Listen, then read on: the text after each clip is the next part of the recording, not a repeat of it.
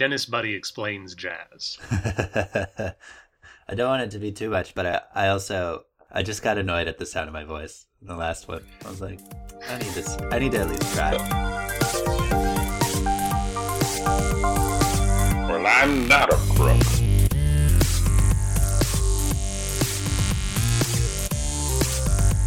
But because they are hard. Welcome to Presidential Deathmatch, the only presidential debates that matter. Today's headlines John Quincy Adams, but without all the filling calories. We would have loved to see more progress on the slavery issue, and we say many wise things. John Jay or Barry Goldwater, who would make the best scout. To discover that, we use a Jefferson Pinckney style debate because no matter what you do, all they're going to focus on is the racism. All that and more on today's Presidential Deathmatch.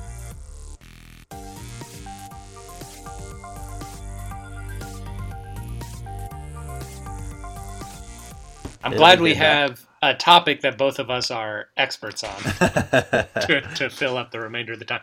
But but let us begin. Dennis, it's good it's good to hear hear you. It's good to see you. you as well. And we'll be seeing each other in person before We we, record again. I don't know. Well, I don't know when you'll record again, but is this the Thanksgiving episode? Yes, it is. Wow. And much like scouts, a topic we have not yet introduced, who have to find turkeys, you, dear listener, are finding information slash value in presidential deathmatch. I'm thankful for PDM and for these listeners. I am also thankful for PDM and these listeners, and for you, Dennis. And and to you as well. So, today on the program, we are talking about scouts.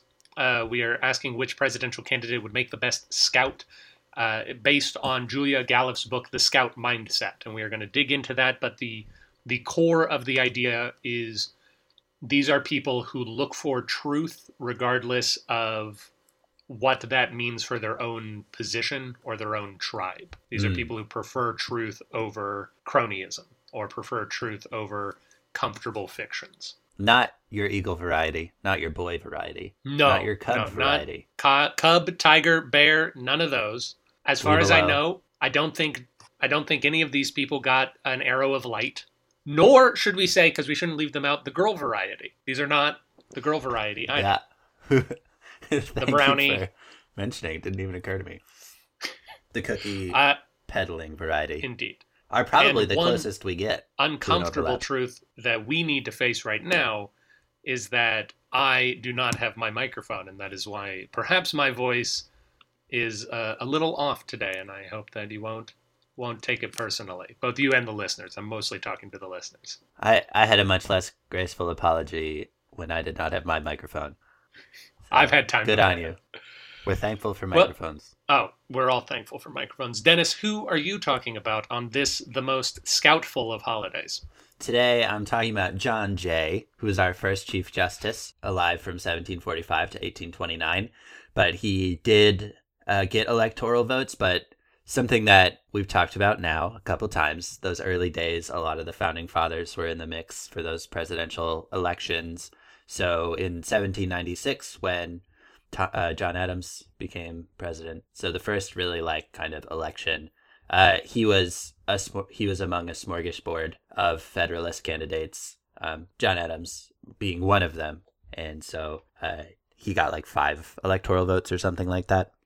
And then he did also get an electoral vote in 1800, but it was because of that weird person who gets second most votes is the vice president thing. So Mhm. John Adams and the person that they wanted for for the Federalist Veep under John Adams, named Charles Pinckney, Mhm. would have both gotten the same exact number of votes. So then they just arranged for John Jay to get no, one no. vote, so that John Adams would have one more than the person they wanted for Veep. But of course, Thomas Jefferson won anyway. Right, Any- right, which was largely a foregone conclusion. Mm. Yes. Uh, oh, I should say some other things. So yeah, so like I said, Federalist. So that puts him in the Washington Hamilton squad, very much so. Uh, he was one of the people who wrote the Federalist Papers of War, of which Hamilton wrote the other fifty-one. Um, Also, James like that. Madison was involved. Yeah. Um, and yeah, I think as uh, as far as his relevance to this topic, uh, it was Aaron's idea to use John Jay. so I'm cu- curious what your input It was a will be. potential idea. I, I thought I told you he's one of the guys that would be interested. My gut tells me Mhm. John Jay might be a good choice, but I'm going in this direction instead. Yeah, and the nuggets that I that I pulled, and we'll see how they do, um, is church and state because he was super religious, but then as chief justice did have to really think about separation of powers, um, so kind of had to make progress on that despite being a pretty conservative Anglican Christian guy. Um, slavery, he is like many of the founding fathers. He w- would have loved to have seen more progress, but he did make a lot of progress in his the way he thought about it and his attitude towards it. And then, just in general, being a federalist is an interesting thing to think about when you're a revolutionary because you had to turn kind of from being someone who was hating this central power that didn't respect the people, but then be able to think about that critically and think Mhm. that you didn't want to take it so far as to not have a centralized enough government. And with a couple things that he did, his involvement with the Articles of Confederation and then the Federalist Papers, and then also the Jay Treaty, which we could talk more about, I think show something of a um, something of a, an ability to Yeah, to yeah. Change he was a over time. calm guy. Yeah, John Jay. I- I think that it is of potential interest that neither of us, despite there being several journalists and newspapermen who have run for president, neither of us thought to pick any of them for the people who are seeking out truth. Uh, then again, I don't know a whole lot about James Cox, but we'll learn more about James Cox later on in the season, I'm sure. I am talking about Barry Morris Goldwater. And Dennis, you might think that Barry is short for something like Bartholomew. I was just about to say that. Not at But all. But as far as I could tell, it is not. As far as I could tell, his his first given name is Barry. wow. I I have spent more time than you would think saying that can't possibly be his name. And his Uh, father's name was Baron M. Goldwater, so it wouldn't surprise me if he was a junior. But I also couldn't find any. Everyone always calls him Barry. There's no like Baron Barry Morris Goldwater going on. But he was alive from 1909 to 1998. He ran in the election of 1964 against Lyndon Johnson, suffering one of the worst electoral defeats in uh, American history. I believe Ronald Reagan, Walter Mondale is bigger, and it's possible that one of the Roosevelt victories is also is bigger by states, but not by electoral count or something to that effect. yes, FDR tended to win those. Not as much as you would think if you go back and look at it. Not as much as you would think. But he ran in 1964. He is the most recent presidential nominee to not have a college degree from a major party, which I think is interesting. He served Ah. in the Arizona Senate for close to 50 years. I, I believe he first got a seat in the 40s and he left his seat in the 80s, uh, a little while before his death. Dennis, do you know who served in, uh, who was the senator who was elected after Barry Goldwater? Who took Barry Goldwater's seat? What state was this? Arizona. So was it uh, McCain? It was indeed McCain, another presidential loser. John McCain Indeed. took took his seat, and if I'm not mistaken, Mm. that is the seat currently filled by Kyrsten Sinema, and all three of them have uh, a, a few commonalities that perhaps we will explore later on. Barry Interesting. So, Goldwater's big things coming from. I mean, she's ar- she's already from the Zona. from well known, but maybe she'll be maybe she'll be on the top of the ticket one of these races. Gosh, I doubt it. I really, really doubt it based on the way people are talking about her. Also, not a good track record from that seat, quite frankly. Well, So, for for becoming president or for being on the top of a ticket. for not being embarrassed, for not being embarrassed in the election process. It, it does not have a good track record. But Oh, for being John in the election process. Uh, we are probably going to explore the word maverick a little bit later on in this episode, but that is the primary reason why I think Barry Goldwater is a good scout. He is a person who cared very deeply about what he f- thought was the truth. Uh, he sought that truth out. He was not afraid to support his enemies, nor was he afraid to take down his allies in pursuit of what he thought was best for people and and he seemed to to talk and it doesn't hurt that the book we're going to talk about has a very short profile on Barry Goldwater that I'll be leaning on a little bit over the course of my argument. One interesting thing about Barry Goldwater, another source, because I, I like recommending things, there's a podcast called Raise the Dead, which is about the it's about presidential elections. The first season covers Nixon Kennedy in 1960. The second season covers Johnson Goldwater 1964. And there's a lot of interesting stuff on Barry Goldwater in that podcast. I'd highly recommend listening to it. But one of the more interesting things that I don't think we'll find a way to slot anywhere else is that prior to Kennedy's assassination, Goldwater thought he would be the Republican nominee. He was planning on running to be the Republican nominee for president, and he was good friends with Kennedy. And so there was something of an informal agreement in Goldwater's mind. It, I don't think it would have happened in real life that Kennedy and Goldwater would have done a Lincoln Douglas style Oh, thing interesting. where they would share a plane and they would fly around America together and do these uh, dual talks while they were both running against each other for president. He really wanted a, a civilized campaign, uh, and I I went and, and watched some clips of Goldwater.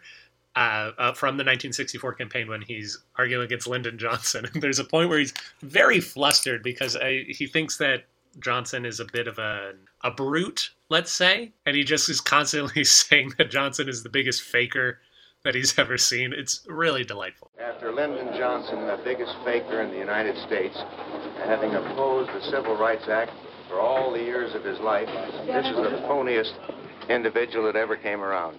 But but that is see. Barry So it's- Goldwater. Basically, like a worst nightmare scenario for him, for it to suddenly be someone that he really respected and thought of as a friend to LBJ, right. he Who he considers with all. very crude. Yeah, that's interesting. I But- do yeah. get what you mean about there being a little skeptical as to whether Kennedy would have actually done that because he's like very politically strategic. Yeah, the Kennedy family rips people apart. Yeah, and I believe that they would have ripped Barry Goldwater apart. yeah, in the same way that they ripped poor, gentle Hubert Humphrey apart during 1960, who we will also learn more about later on in this season.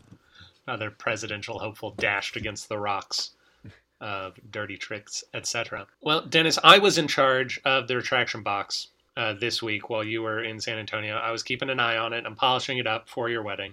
yes. Uh, thank but- you for doing that, and I'm sorry that it took up so much room, such that you didn't have room for your podcast. I didn't mic. have room for the podcast mic today. No, no, I did not. Uh, but but I've got it here. I'm gonna I'm gonna shake it just a little bit. All right. There's a tiny bird. There's a tiny tiny bird in the retraction box that I'm going to try to let out. Hold on. I'm turning the the little key to let it out. And then it flew away. Oh no! Bigger bird took it. got eaten right away. Unfortunately, But we are here to talk about our attractions from last episode. Dennis, do you want to do any William Jennings Bryan follow up?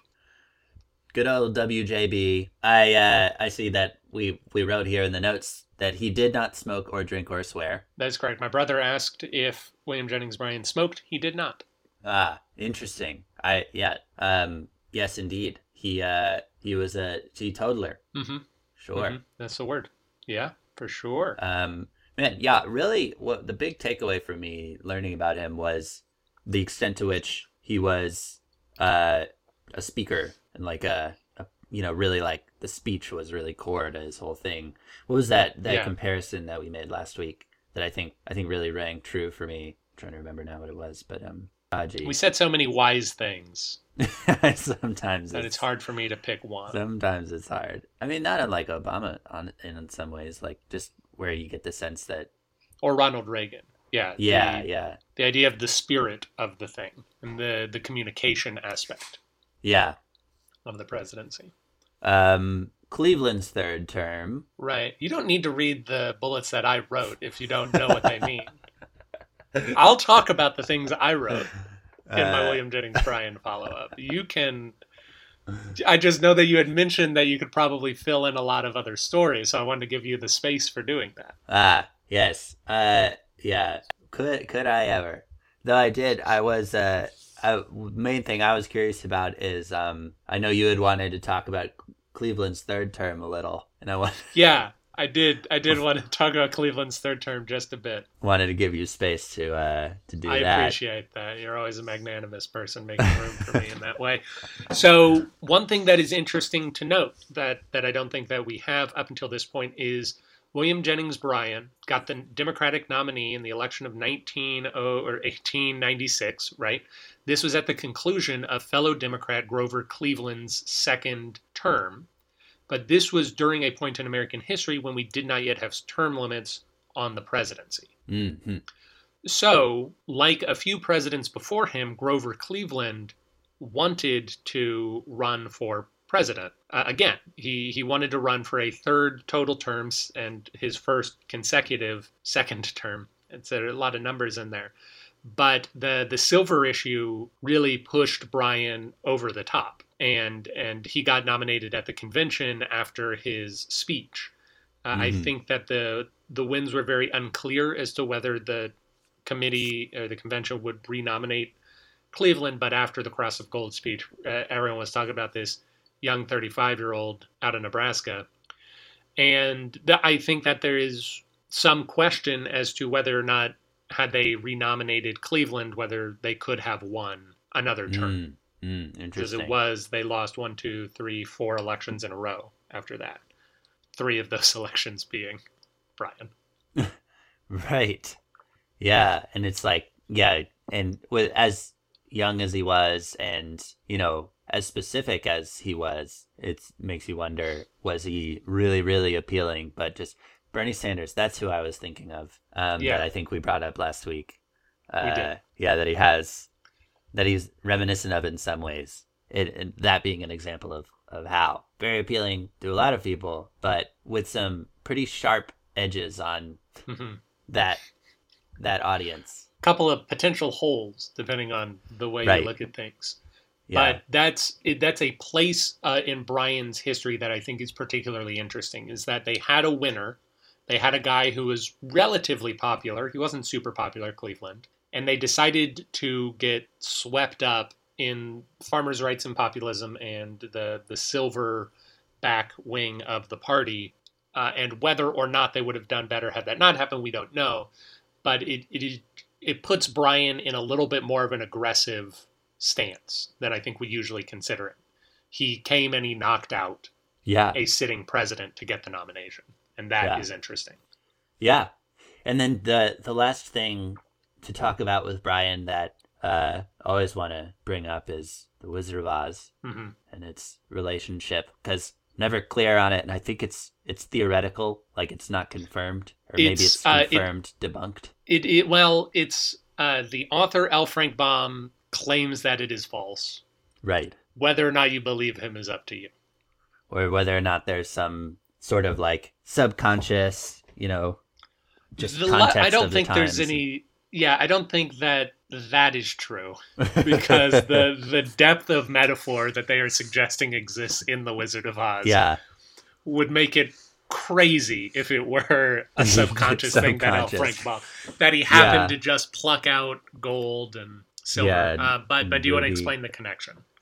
Uh, so there's a yellow brick road in the Wizard of Oz that leads to that she has to follow, and so there's suggestion that that is referring to the gold standard, uh, and that she has it, the ruby slippers are actually silver s- slippers in the book. In the book, Um, so you end up with silver slippers on this yellow brick road taking you to this Emerald City, which I don't quite remember, but I forget if it's sort of at that point starting to suggest. It feels like it's suggesting sort of like, what if we took this idea and realized that we could let anything of value be valuable in in our monetary system? But is Maybe. that right? Possibly. yes, and and that William Jennings Bryan is represented by the lion. Mm. uh, because their names rhyme, Bryan and Lion, and because William Jennings Bryan, in accepting the Democratic nomination for president, turned his back on some of the populist policies that other people would have liked to see implemented. Which so- cowardly. Indeed. So goes the theory. Yes.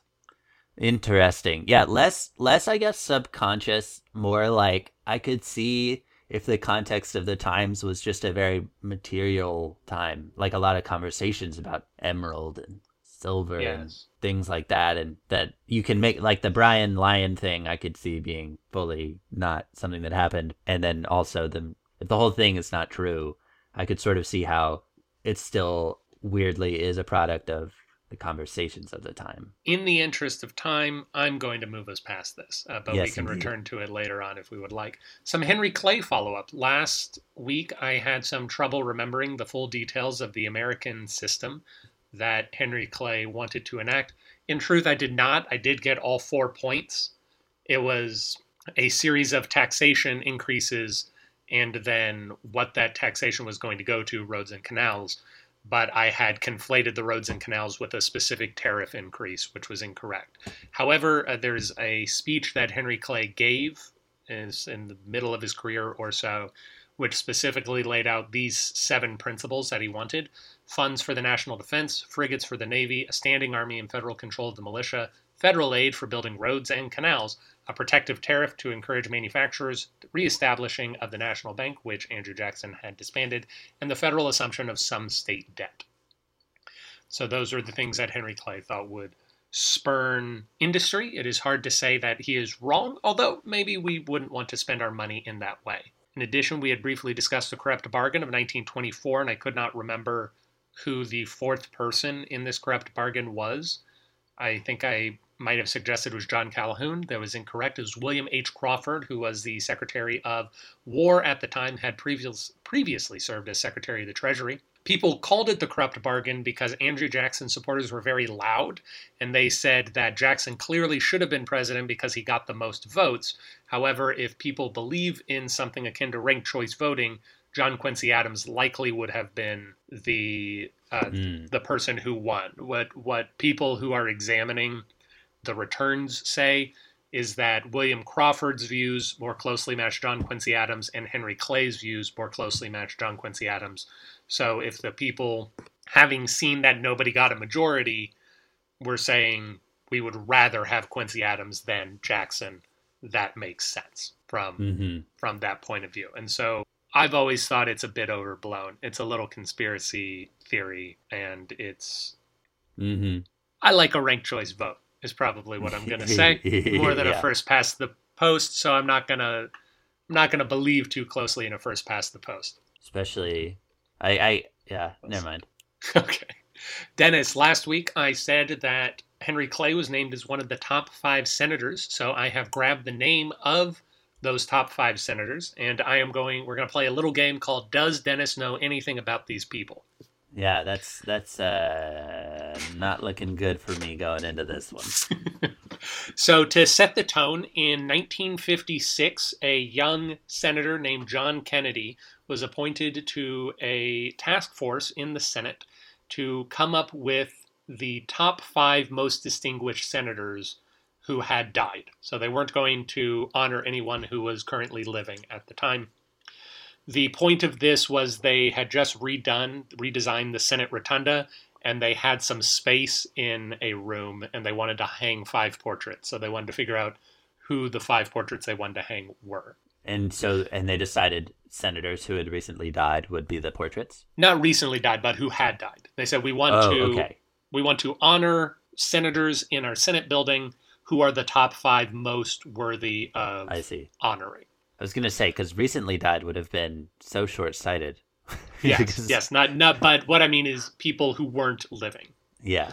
So Dead. number one, with- this is in no particular order, but one of these top five senators is Henry Clay. Dennis, do you know anything about Henry Clay? Henry Clay. A lot of people thought of him like a John Quincy Adams type.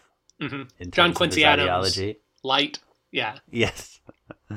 Like if they're out Uh, of John Quincy Adams in the, if you go in through the Taco Bell drive-through and you say, "Hey, can I get a John Quincy Adams?" and they say, "No, but we got Henry Clay. Is that all right?" You go, "Yeah, sure." Exactly. He's uh he's the season three cover image for PDM. That's true. He looks like uh he is dead hmm all the time. So yeah, when he was alive, he still looked like he was dead. we're uh Nosferatu kinda. Mm-hmm. For sure. Yeah. For sure. Yep. Dennis, he would lost you- three times. He did at uh, least. running for president. Yes, at least. Uh, yeah, those are some things. Dennis, without saying whether or not you would have preferred the president that Henry Clay lost to, do you think Henry Clay would have made a good president? Um, I don't think he would have. Um, I think he would have been all right. You know, he's competent. Uh, he really wanted to, to do it. Who did he lose to? He lost to Andrew Jackson. He lost to Andrew Jackson twice. So, and he was interested in not abolishing the bank. So, Mhm. it seems like that could have gone better had he been president. yeah, and he lost to Polk as well. Mm, yeah, interesting. Well, Polk, I mean, Polk, I feel like my sense from this pod is that he's Polk's a polarizing president. And I mean, because he helped push us along towards the Civil War, but also did a lot. Uh, he annexed Texas, if I remember correctly.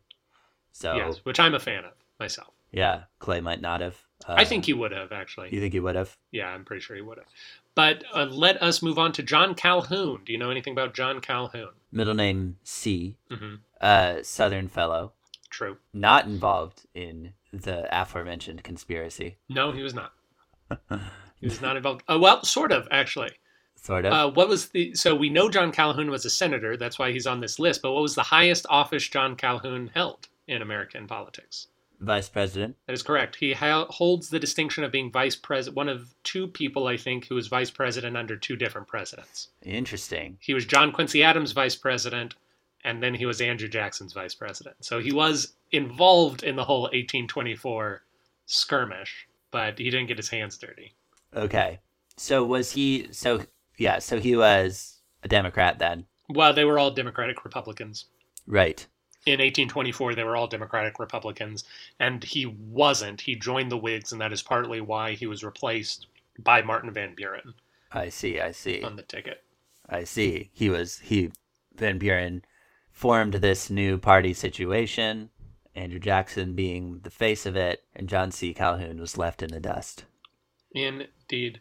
Dennis, we, we still have quite a bit to go, so we're going to speed things up a bit on these last three. Daniel Webster. Do you know who Daniel Webster is? Indeed, I there's a lot to know about Daniel Webster. Very Yes. little will come to the forefront for me in this moment. I believe, if I remember correctly, when I was touring the Pierce house, the tour guide said, and Daniel Webster, uh, we know he visited the tavern. Uh, I don't really say that that often because none of you know who Daniel Webster is, and everyone around here says Daniel Webster slept in their house at some point.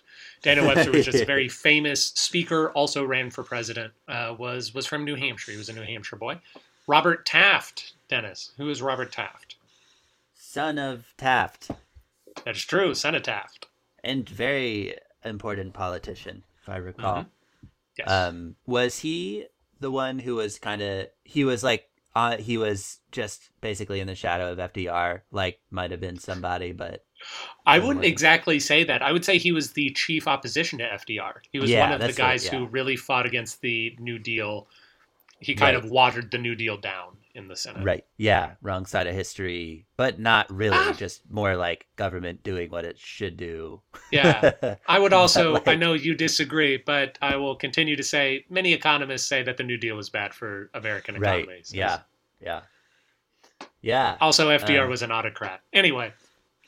Uh, and not not like a fairly healthy man, yeah, Robert Taft. Yeah. He looks like an accountant. Yeah, If you look up Robert Taft, he looks like the person a person you'd want writing your laws. he's not nearly as fun to look at as as Bill Taft. As Papa Taft? No, he's not. Yeah, and there's not. Did Robert as Taft silly ever run for president? He tried to. He did. And who did he lose to? FDR. Eisenhower. Uh, he tried, so he never he never got the nomination. He wanted to get the nomination, but he lost the nomination to Eisenhower. oh, I see. Yeah. So I see. I see. Because so yeah, it's so it's uh so yeah, it ends up being. I mean, well, I guess yeah. that's gets to be recent at that point. I mean, it's not recent. Still a long, very long time ago, but Mhm. um, it's one of those things where it's you start to feel the brevity of American history. That is true. The final person in the Senators Hall of Fame was Robert La Follette Sr. La Dennis- Follette. You might know La Follette. Does that name tickle tickle your brain at all? It it it tickles my brain, but that is all that it does. Okay. Like it's like okay, I've seen that name, and then yes. did you I'm say not sup- junior? No, senior. We're talking about senior. I'm not surprised that you've seen that name because he's an extraordinarily popular politician from Wisconsin. oh, okay. Like and he is a former governor of Wisconsin. So I am sure that there is just lots of there's probably a La Follette Street somewhere in Madison where you lived for a year and mhm. things like that. But I believe, if I'm not mistaken, that Mr. La Follette Sr. is the only what we would call liberal or progressive person uh, that was honored by the committee. Almost everybody else are certainly Robert Taft was very conservative, and whether Clay, Calhoun, and Webster were conservative or not conservative, um, they were definitely moderates. All three of them were chief architects of the compromises that kept America out of the Civil War for 20 to 40 years. Mhm. So, so all of those top three, Clay, Calhoun, and Webster, are very much compromisers. They are people who are negotiators. Robert Taft is uh, the conservative counterweight to FDR during the New Deal times. Robert La Follette Sr., on the other hand, is a William Jennings Bryan style progressive. change maker. Yeah, exactly. Progressive Republican during that time of progressive republicanism. I was a big fan of Teddy Roosevelt until he wasn't. And if I'm not mistaken, I think he is the last person to get elector to win a state while not a major nominee of a party from outside of the South. So the South Uh, like Strom Thurmond, we talked about, and Robert Byrd, not Robert Byrd, but Strom Thurmond and uh, Wallace um, continue to win states in the South while not on a major ticket. But Robert La Follette Sr. is the last person to do so from outside of the South. He won Wisconsin, I want to say, in the election of 1928. It might have been 1924. so He was not a fan of Calvin Coolidge. Now, you would think that that was uh, that was it. Those are our five names. Those are our five senators. However, uh, America would not be America Ah. without a bit of a conspiracy. So there's a Ah. man named George Norris, and I had never heard of George Norris before looking into this. And Dennis, can I guess that you don't know anything about George Norris? George Norris. That's who the Tin Man was based on. You may not be entirely incorrect. Uh, you are entirely incorrect. But George Norris. Uh, so I just described Robert La Follette Sr. as a, a sort of Bryan esque fellow. George Norris might have been like a cutting from Bryan that they planted in Nebraska and grew back out because George Norris is also a senator from Nebraska who is a Mhm. very progressive Republican politician. He was unanimously nominated as the most deserving person to be honored in the rotunda. Like everyone on the committee said, "This is the top senator America's ever produced." Is George Norris, but there was a guy in the Senate named Styles Bridges who had served with George Norris, and he was still kind of upset at George Norris. He didn't enjoy working with George Norris, so he said no, and he vetoed it, even Hmm. though the committee unanimously said this is the top guy. I was gonna say like had he died like more recently and stuff because that seems Yeah. like how you one have an aggressively positive reputation like that and two still have some some some issues some polarizing attitudes. And That's there was a, a little bit of interesting thing that we don't have time to talk about. Maybe we'll circle back around to it at some other time. But George Norris very much wanted to abolish, I want to say the House of Representatives, because he was a senator. so I don't think he wanted to abolish the Senate. But That's he, what he was gonna get to next. yeah, he, he campaigned heavily on wanting to turn every state legislator into a unicameral system instead of a bicameral system. And his home state of Nebraska is the only state to do so. So Nebraska does not Oh. have a bicameral legislature in part because George Norris said, let's not have a bicameral legislature. And there are a lot of Interesting. reasons around that. But like I said, I, I don't think we have time to explore it at the moment. Norris. Uh, some-. A few quick hits before we move on. I believe last week I said something like Hamilton only served as Secretary of the Treasury for two or three years. He did not serve all eight years of Washington's term, but he did serve a little over five years as Secretary of the Treasury. From what I can tell, and this is unusual, it does not appear as though they replaced him when he left, which I, I think is straight. It seems as though the next Secretary of the Treasury was under John Adams. So he left, and there was a year or so when we didn't have a Secretary of the Treasury, and maybe someone else assumed that role, much like James Monroe was the Secretary of War and Secretary of State during the War of 1812. Mm-hmm. Dennis, do you know what it. Profiles in Courage is? Is Profiles in Courage the JFK book? It is the JFK book. Uh, it that is the reason why he was nominated to head the committee. Mm-hmm. JFK wrote this book in order to popularize himself to the American people so he could run for president in a few years. It is about American politicians who stood up for their principles and frequently got injured for it. So it, it makes a particularly good book for the scout mindset that we're talking about today. However, the reason I wanted to bring it up is because it won a Nobel Prize.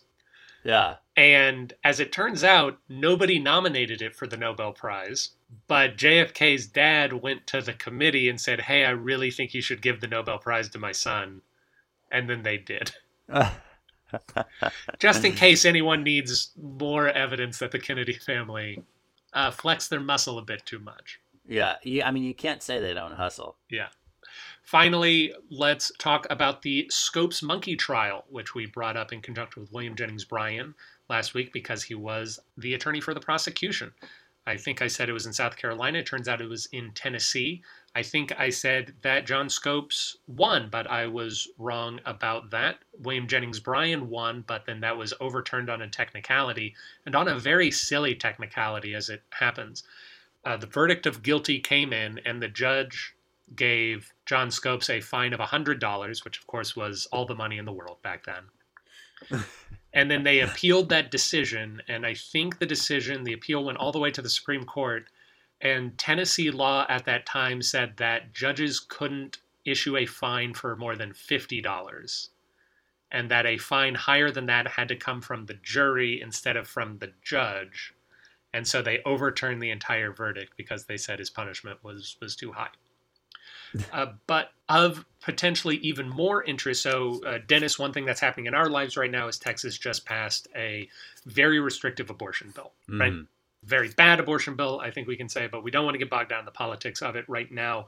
Are you aware of the two lawsuits that have been generated from this abortion bill? Well, I know that a a doc are they both doctors? Yes, it's doctors being Um, sued, but who is suing them? Oh, I don't remember. It's just like it's. I'll know as soon as you say it, but I don't remember. I don't know their names, but the two people who are the quote unquote prosecution Yeah. are essentially people who don't think the law is constitutional and they are suing these doctors Right. in order to go through the ringer and get it nullified. The Right, exact right. same thing happened with the uh, Scopes Monkey trial is that this was not a thing that happened and then someone got upset and then John Scopes got sued. John Scopes intentionally incriminated himself to get sued to challenge this law Mm, hmm uh, a a common tactic, I suppose, in American jurisprudence. Yeah. Well, the advantage being, as I understand it, that then you're taking all of the heart out of it for that one side because you've created. Is that a, a fair way to put it? Um, that that's part of it. Also, if you're contr- you control the narrative a little bit, you Right. get to set up. It's the same Rosa Parks situation. You get to pick your person and say this is the person that we're going to defend, and this person doesn't have any weird skeletons in his closet. Yeah. Yeah. This is a respected member of the community, et cetera, et cetera. So it it allows you to take away some volatility. And Here's the thing with Inherit the Wind, the Scopes trial and stuff. I should probably watch the play at some point or read it or something. uh, but it's so hard. I don't understand how you think about things if you don't learn about Darwin or like if you don't factor that in. I like I think just coming from linguistics and stuff, I don't get how you think about things if you don't think about them that way. I Well, mean, like but- I, I guess if you specify it to evolution, then that's like then that's doesn't necessarily mean that you can't think about other things in terms of evolution, but it's I it it, it just feels like very it's almost like an entire different school of thought. Maybe. I know that evolutionary theory and evolutionary psychology, et cetera, creeps into a lot of different fields, but certainly mathematics, like physics, has nothing to do with evolution. Study of light has nothing to do with evolution. Any mathematics, there are plenty of these harder sciences that don't need evolution in order to wrap your head around it. Even Charles Darwin and theory of evolution didn't come around until the mid to late 1800s, so the scientific revolution happened long before that Yeah. as well as the scientific yeah. method. So I, I think that there's plenty of science to explore without factoring that in, and I think there's plenty Yeah. of learning. Certainly, all of America was founded before before Charles Darwin published his findings. So if we consider Ben Franklin and his scientific experiments, I yeah. I don't consider I don't like evolutionary arguments because I tend to think that they are they shut down conversations. There's actually one that we can talk about in Scout mindset, uh, but Yeah. but almost like they people use them uh, tend to use them or seemingly use them as a well, this is the way it is, and this is the way it developed, so this is the way it should be kind of thing. A lot of times, Right. But it's uh, yeah, but I get yeah, but then on the other hand, like they're like uh yeah, like you're saying with the scout the scout mindset, which we'll talk more about, like it's like you if you're pushing someone to think about the fact that even things you think of as static are subject to change. That's you and an I might be thing. having a different understanding of what we're talking about right now. So, so maybe we should return to this in a few weeks when we have a little bit more time. Because I do like the conversation a lot, but we've been recording almost an hour and we haven't gotten Yeah. to where. Uh, but this seems this seems like a fun, fruitful thing to explore later onward. when, when we talk about kolaches. but uh, with that, I'm going to coax the bird back into the retraction box.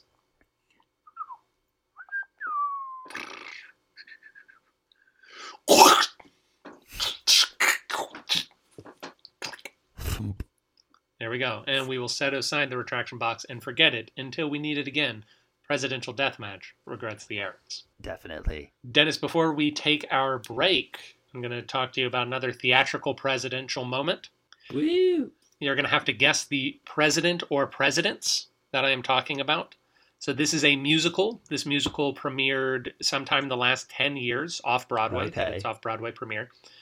It is about a fairly divisive president, I would say, certainly recently divisive. And the the hmm. musical's key shtick is that it tries to resolve this divisiveness by suggesting that this person who is one human being in real life is in fact two completely separate people, one of whom Mm. is this president's worse impulses and the other is his more statesman qualities that we like him for. Mm. It immediately brings to mind Thomas Jefferson and Interesting. and the because especially just because as a writer um he was very eloquent and logical but then the more you look into his life it seems like um he lived in this sort of way of like well yeah like until the world changes i can't change i think a lot of and and of course in recent uh more cancely times he's been uh, very much an attention point Yes. Yes, for sure. So take those ideas, take like that logic, let's move it forward in time. This is a more recent president than Thomas Jefferson, but you're right on the money as far as the a couple of the things that you're thinking. okay so we're So- moving forward in time through Mhm. all of the 1800s into the 1800s 1900s 1900s. all right Who are some divisive presidents in the 1900s? well certainly woodrow wilson is divisive in this podcast or well i don't know if he is because i certainly never push back on the abject hatred and Disdain.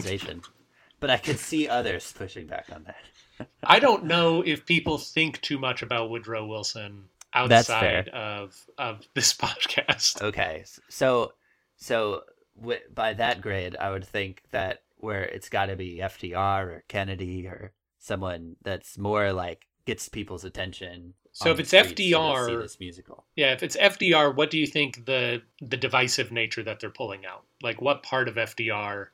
Because I will say this is well known. Because I I say things all the time earlier in this podcast, in fact, about how FDR is an autocrat and he kind of wanted to be a king, which is true, Right. but I don't think that's well known about him. Okay. This is a well known problem with these people, with these presidents. So Uh, what would you pull out of. FDR or Kennedy? Yeah, well, okay, well with with Kennedy, just like just he was a well-known crazy boy, bachelor man, philanderer, everything else. Yeah, crazy boy Uh, bachelor man. Yeah. FDR, I mean, is well known that he didn't have a good relationship with his wife, I suppose. Um, To a degree. and you'd want to probably use that in a musical. Yeah, the autocrat thing was really what was coming to mind for me as well there. And So, are are there any more recent presidents who are echoes of Kennedy's crazy boy bachelor man times? more recent than Kennedy, More recent than Kennedy, but same same spirit. right? I mean, LBJ is similar in many ways. Um, OBJ would be interesting. And getting more recent. Let's So see. I will t- say one other thing that may be useful. the musical premiered in 2016, and its premiere date was of particular interest for a few of the characters in the show.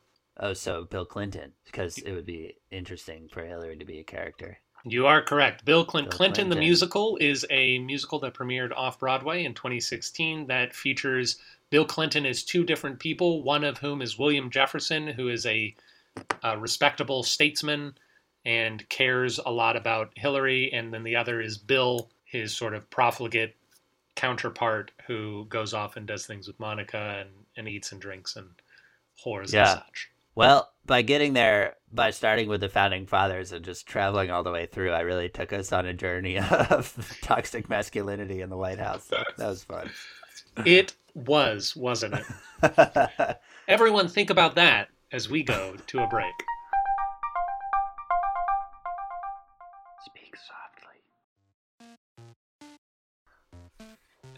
You know, Dennis, occasionally I ponder toxic masculinity.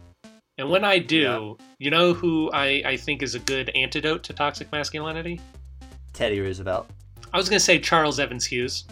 Ah, sure. I like to keep him close to my heart, by which I mean I like to keep him on my body. Oh, well, don't we all? I think so. You might prefer a different person than Charles Evans Hughes. I certainly like Salmon P. Chase. Right. Champion of women's rights, potentially. Yes, indeed. If you want to keep either of these men close to your hearts and your bodies, you can do so by going to pronoiatheater.com slash store and purchasing Both. shirts there. Both men with low toxicity hmm and naturally high pH.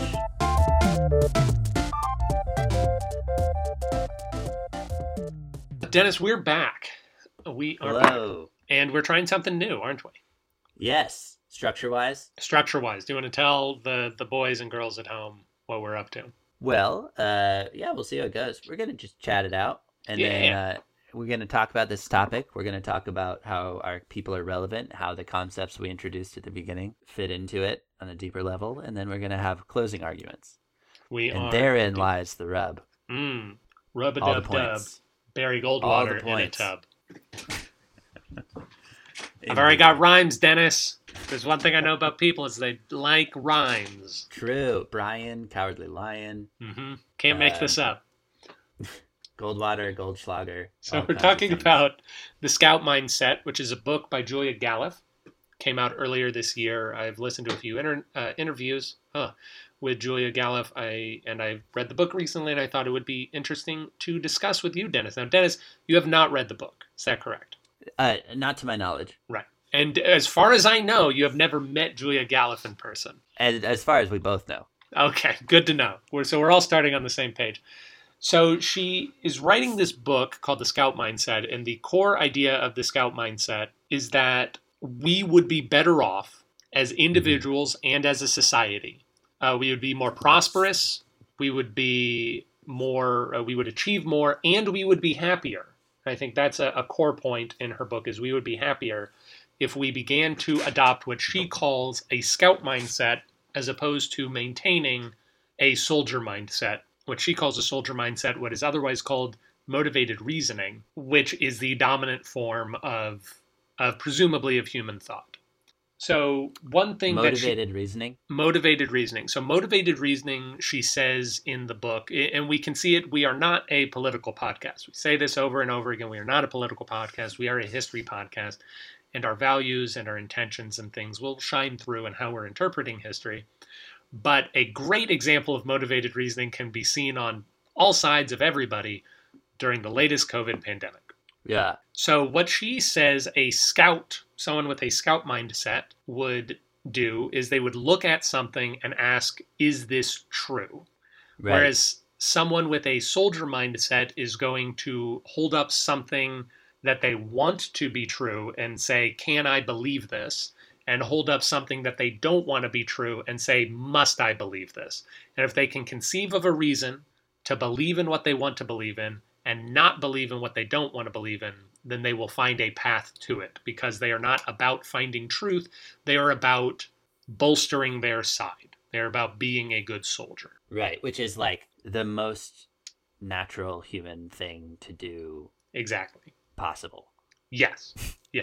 Yes. Uh, and and so this is why she has devoted a book to arguing we should begin to change the way that we should try to change the way that we think to care more about truth than we do about quote unquote Right. our side. Which I feel like one of the hard things about it is to always be questioning and challenging your own thinking without just being a sad person with no sense of self and and who is always very like contradictory or uh, you know like devil's advocating. Yes, so she she spends a, a decent portion of of the early part of the book talking about that kind, where she talks about how a lot of people who claim to be quote unquote rational are just kind of assholes who want to say that emotion shouldn't play any part in decision making, which she is not Mm. saying. She is Uh-huh. saying that we all have values. I value things, you value things. Those values may be different.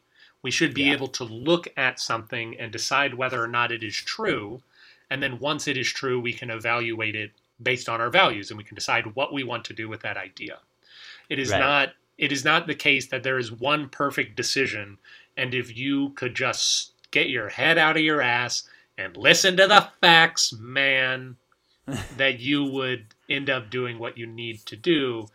Uh, it, it is rather that uh, you need to begin from shared facts and you need to begin from a basis of truth. And once you do that, you can then argue about principles, which is sort of what Barry Goldwater yeah.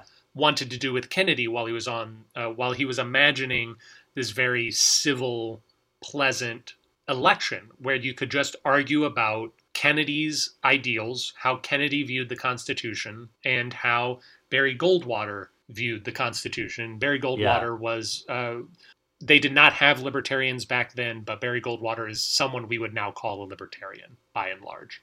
Uh-huh. Yeah. It's I I'm curious your thoughts on the idea that the something I often buddy mander around is that all conflict is either miscommunication hmm or a difference in beliefs about things that cannot be known. And so a miscommunication is just a knowledge differential. Mhm. And so if you identify that there's a knowledge differential, then you, there doesn't need to be conflict. You just need to resolve the knowledge differential. And then all that you're left with is a difference in beliefs. And then it's a matter of saying, okay, we either have a difference in beliefs and that's not going to change, or, and so we need to figure out how to cope with that, or I don't know, just living in conflict. Uh, I I would probably agree with you. I might ask for a more human definition of knowledge differential that doesn't make it sound like knowledge differential could sound like. I don't think you meant it this way, but it could sound like I know and you don't, and we need to get you to the things I know, as opposed to oh, I said a thing and the the context or the connotations Right. of the words that I used kind of triggered or, or I didn't explain it well enough or, or what have you. Um, Right. Yeah. A, an example being the word racist in young people speak, like in Gen Z, hmm is it means implicit bias in the context of race. And it isn't weaponized. Like people will self identify as racist. Like I'm not Whereas- sure that I agree that it isn't weaponized. it's still it is to some degree but it's very it's like the at least the ideal is at least in some circles that i've identified is that one should be open to self-identifying as racist so as to say i see that there is room for me to remove more implicit bias in the way that i live in the context of race. Whereas the older you get the more and more it becomes something that like is just a really really unkind word to use to refer to anybody. And not recognizing that just makes it so that you're using language that doesn't help that yeah, that's sense. part of defining terms, and I do agree that defining terms really needs to be a part of almost any discussion. that's yeah that's miscommunication. That's not yes, I would agree. That is miscommunication. It is potentially difference in values, but uh, it will potentially reveal a difference in values. right yes yeah Yeah. Uh, but yes, I, I think I would say that I, I think conflict is good. I feel like you are approaching uh, based on the the Buddy Mander, uh, the Dennis Buddy's theory of conflict negation, that you think conflict isn't a good thing. I think conflict is a good thing because I think that all people are incomplete and hmm having ideas rub up against each other and compromise sharpen. I tend to think that compromise sharpens things when it's done well, as opposed Yeah. to dulls them. I guess emotional conflict, interpersonal conflict, feels unnecessary so often, um, and it's Yeah. getting in the way of good conflict. So that is uh, another thing that's talked about in the book quite a lot is when people's identities are wrapped up in a thing, it is difficult to get them to step away from it. And uh, I'm going to see if I can find the relevant parts of the book so that, because I, I think she does a quite good job of talking about it.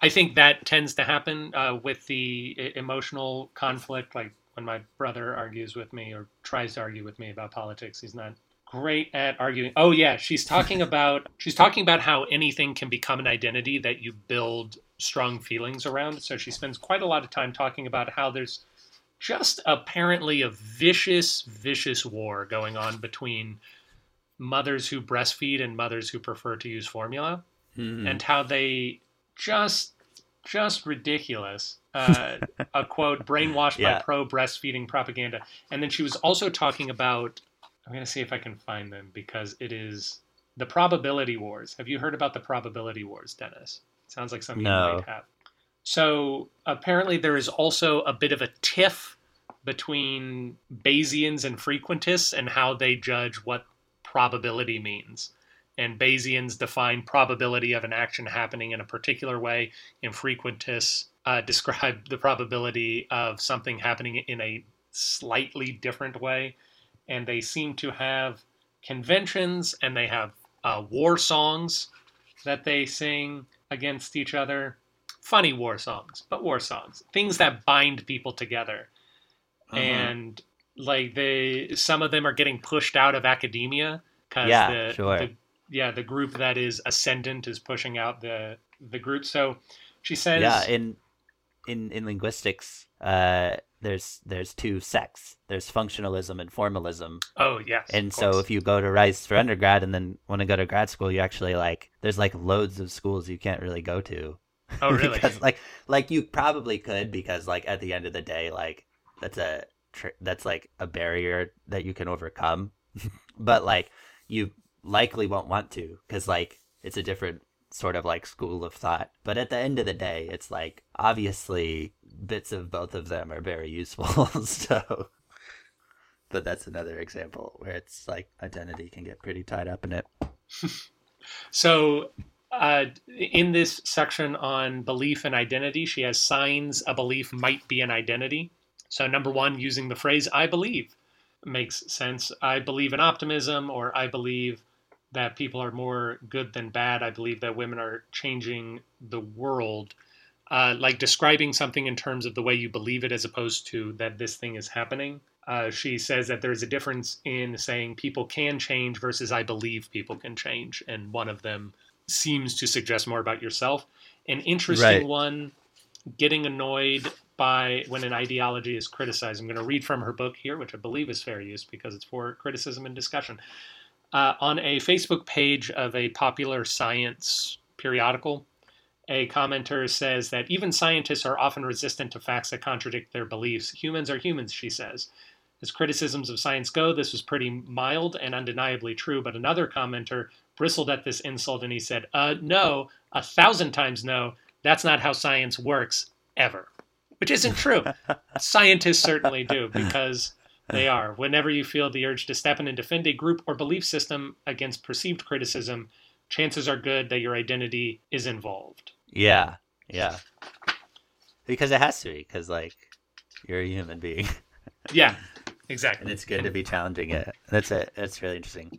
So one of the Uh, things Barry Goldwater uh, is sort of famous for is he he was the father of the conservatism movement. People consider that Barry Goldwater ran and set the tone for Ronald Reagan winning 16 Right. years later. hmm Where Reagan was a voice that could really work for that. It was also Ideology. time. Yeah, also Right. just time had passed. Enough time had passed that these ideas had seeped into the culture. Uh, like he spoke out against Reagan. He was a big fan of Reagan, but he had problems with the way Reagan handled Iran Contra, didn't like his defensiveness. He similarly said, uh, I'm going to read from this section, uh, and I'm about to swear slightly, depending on how you feel about certain swears. Uh, he says, by this point, Goldwater was an 85. Uh, this, this talk about the Whitewater scandal, which has to do with the Clintons. He was no great fan of the president. He once told a reporter that Clinton didn't know a goddamn thing about foreign policy, and the best thing Clinton could do, and I think I wrote a, him a letter about this, but I'm not sure, is to shut up. Nevertheless, he spent a night poring over the Whitewater accusations, and the next day he brought reporters to say, I haven't heard anything yet that says this is all that big of a deal. And then uh, other Republicans got very upset at him. Uh, because he just like instead of just being part of the a, a part of the group thing. Let, let me uh, Yeah. again. We're not a political podcast, but events in history allow us to talk about things. An event happened January sixth of this year, Dennis. I'm sure you know to what I am referring.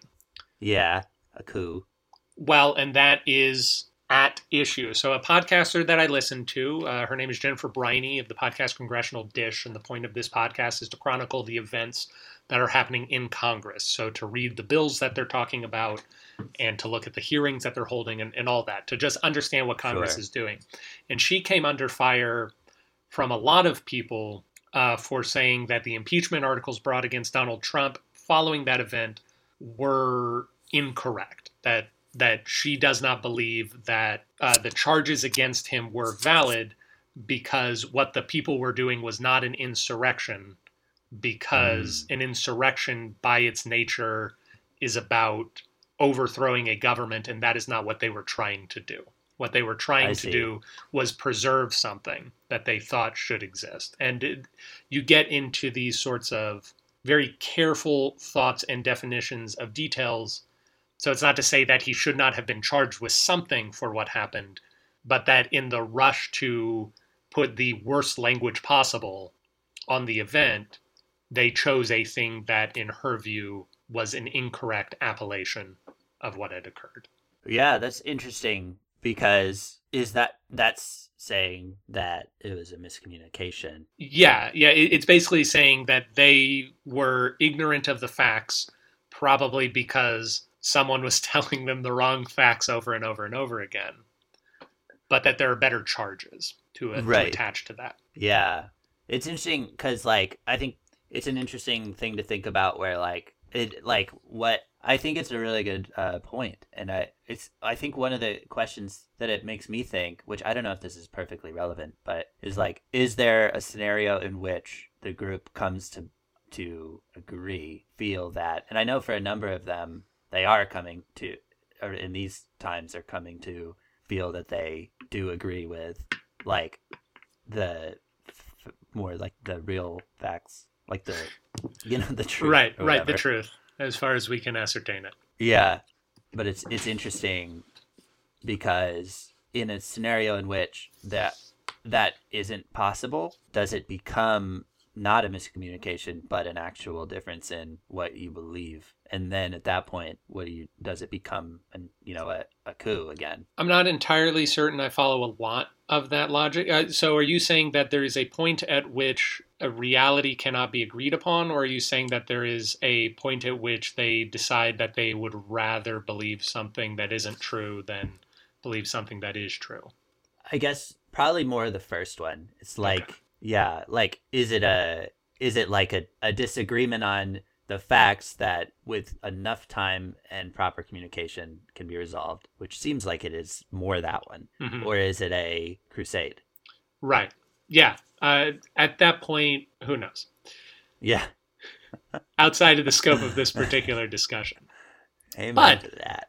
Uh, uh, but the uh, the final thing that I sort of wanted to talk about from the book is is in the waning pages of it. She talks about how we are humans. We have these inborn fallacies that try to keep us alive and comfortable. And what we ought to try to do is take advantage of those problems in our thinking and twist them to be strengths, turn weaknesses into strengths. And specifically, what she says is that same identity stuff that we were just talking about, how it is dangerous when you have an identity. Cool. So we are back after a minor technical difficulty. And what I was saying is that Julia Galef is talking at the end of the book about how to take some of the problems in our thinking and turn them into strengths. um, specifically with the identity that we were just discussing, you can and try instead of saying I'm a I'm a Democrat or I'm a Texan or I'm an American or I drive Hondas or or whatever might be a core for me. It would probably be I'm a writer. I tend to bristle a lot when people say certain people shouldn't write about certain things or shouldn't write certain characters or whatever because I'm like no I'm a writer and writers need to do whatever like that's my particular identitarian shield that I have. Mhm. Um, she says that if you turn that into I am a scout, I am a person who seeks out truth, and that is my value, that you can use that effectively to to trick yourself into caring about the truth. And I think that is interesting when we consider Barry Goldwater, John McCain, and now Kyrsten Sinema as well, all of whom have been called sort of mavericky. Uh, that that uh, the the term maverick, which Barry Goldwater was called a maverick, is kind of a way of saying that. It can also be a way of saying contrarian, so it's not always a, a perfect one to one. But that by calling him a maverick and calling him someone who is going to vote his principles instead of voting the party line, it allows him to seek out his principles and to define his principles. And he uh, he certainly was. We didn't even get to talk about any of the civil rights stuff that he did and didn't do. Maybe I'll fo- uh, follow that up in retractions next week. But unlike many Republicans now, certainly like most Republicans of his day, he was in favor of gay rights because he's like, no, my my principles say the government is involved in this, this, and this. This is clearly outside of that, so like there's no reason they can't do it. And he was in favor of drug legalization. Like I said, he was basically a libertarian. Uh, um, and and that identity of a maverick, I think, freed him up and allowed him to to seek out the truth and become more scout-like. Yeah, yeah, that's interesting. That's certainly not as much something that John Jay had, though. Um, I guess in some ways, a revolutionary and a government creator has that in their pocket a little bit. Um, but I, it's something that you see a little bit with the. I mentioned the Articles of Confederation earlier, um, and I, I might have this might this might come up in retractions, but he was president of the Continental Congress um, or after the revolution, and then when uh, and so then the Articles of Confederation was something that he was very much directly involved in creating. Mhm. Um, but those were the reason that we rewrote those and made the Constitution was because of the It didn't work. states yeah the level of states rights and everything in them and the independence of each state was a big part of the problem with it it was a little bit too wild west um, and that's i believe that's why the confederate states call themselves the confederacy but that might just have been just general reuse of I, vocabulary yeah, I think it's mostly the definition of a confederacy versus the definition of a federal republic or the definition of a republic or whatever it is. It's just confederacy was the right word under the Articles of Confederation, and for Mhm. similar reasons, confederation was the right word for the Confederate States Right. of America. Yeah, right, which makes sense. Yeah, and th- then, you know, just fast forward just only a few years after that, and you can see how that was a direct reaction to the revolution, and then a direct reaction to that being the first draft is to have a, a federalist attitude, um, to centralize more and to uh, see that as being a better approach. So um, he was with the Federalist Papers, and and in general, he was at the forefront of criticizing this first draft that he was such a big part in creating. Yeah. So it's that similar thing, especially in terms of looking at your own self and being self-critical, which I like a lot, um, and think is an important part of this mindset. Is being able to be like, yeah, I was a part of that, uh, but it wasn't perfect, um, and, and you know, and like Yeah. look at look at the results. Uh, we, there's more that needs to be done. And similarly with his, he was a uh, I I hadn't realized this till recently that Episcopalians are Church of England post Revolution. Um, not exactly post-revolution, they but but yeah, they they broke apart from the Anglican Church. Yeah, there was is, actually uh, a big uh, big issue with that recently. I have a friend who's an Episcopalian priest. I've been trying to get him on the podcast. He has yet to respond to it. But uh, they recently, in the last ten years, another church popped up calling themselves Anglican, and it apparently Oh, really? really? ticked off the Episcopalians because they're like, "No, we are. That is our line." right. I should say another American church. Popped up. Uh, Right, obviously, In, in Britain, the Anglicans are the Anglicans. yeah, yeah. Um, yeah, but so um, he was very religious, very involved with that stuff. Um, and I think it's interesting to think about that in the context of setting up um, the U.S. and separation of powers being so important, and separation of church and state, um, and then also for for the his church and everything else to have to evolve around it. Um, and he really believed in Christianity being at the center of the way that you think about government and the way that morality plays into it and stuff like that. But on the other hand, uh, I think he probably had to be pretty self critical because uh, we are really trying to abstract that even from the beginning, I think, to some degree. So, oh, for sure. um, yeah, so it's an interesting, interesting thought process there as well. Well, I think we have both somewhat inadvertently made our closing arguments, me through the maverick identity, you through the self criticism and self reflection. So I don't know that we need to, Indeed. to do that. But uh, I will say that if you would like to vote on the winner of today's very civil, very uh, Stephen Douglas esque debate, you can do so at the link in the description below. If you want to support the show, esque. yeah, actually, we've got a whole credits to talk about everything else. I need to re re-record those credits soon. But Dennis, I can't wait to see you at your wedding, and can't wait to curse your name, as I intend to do when we record the next episode. Have an awesome Thanksgiving. Thank you. You too. See you soon, then. See you soon. Thank you for listening to Presidential Deathmatch. Presidential Deathmatch is a production of Pronoia Theater. You can find more out about us at pronoiatheater.com. This program was edited by Aaron Garrett with music by Dennis Buddy and hosted by those same two lovable goofballs. You can always email us at contact at pronoiatheater.com. If you enjoyed the program, we ask that you rate and review wherever it is you found us. It really helps us out. And if you didn't like the program, why don't you stick around? We really grow on you.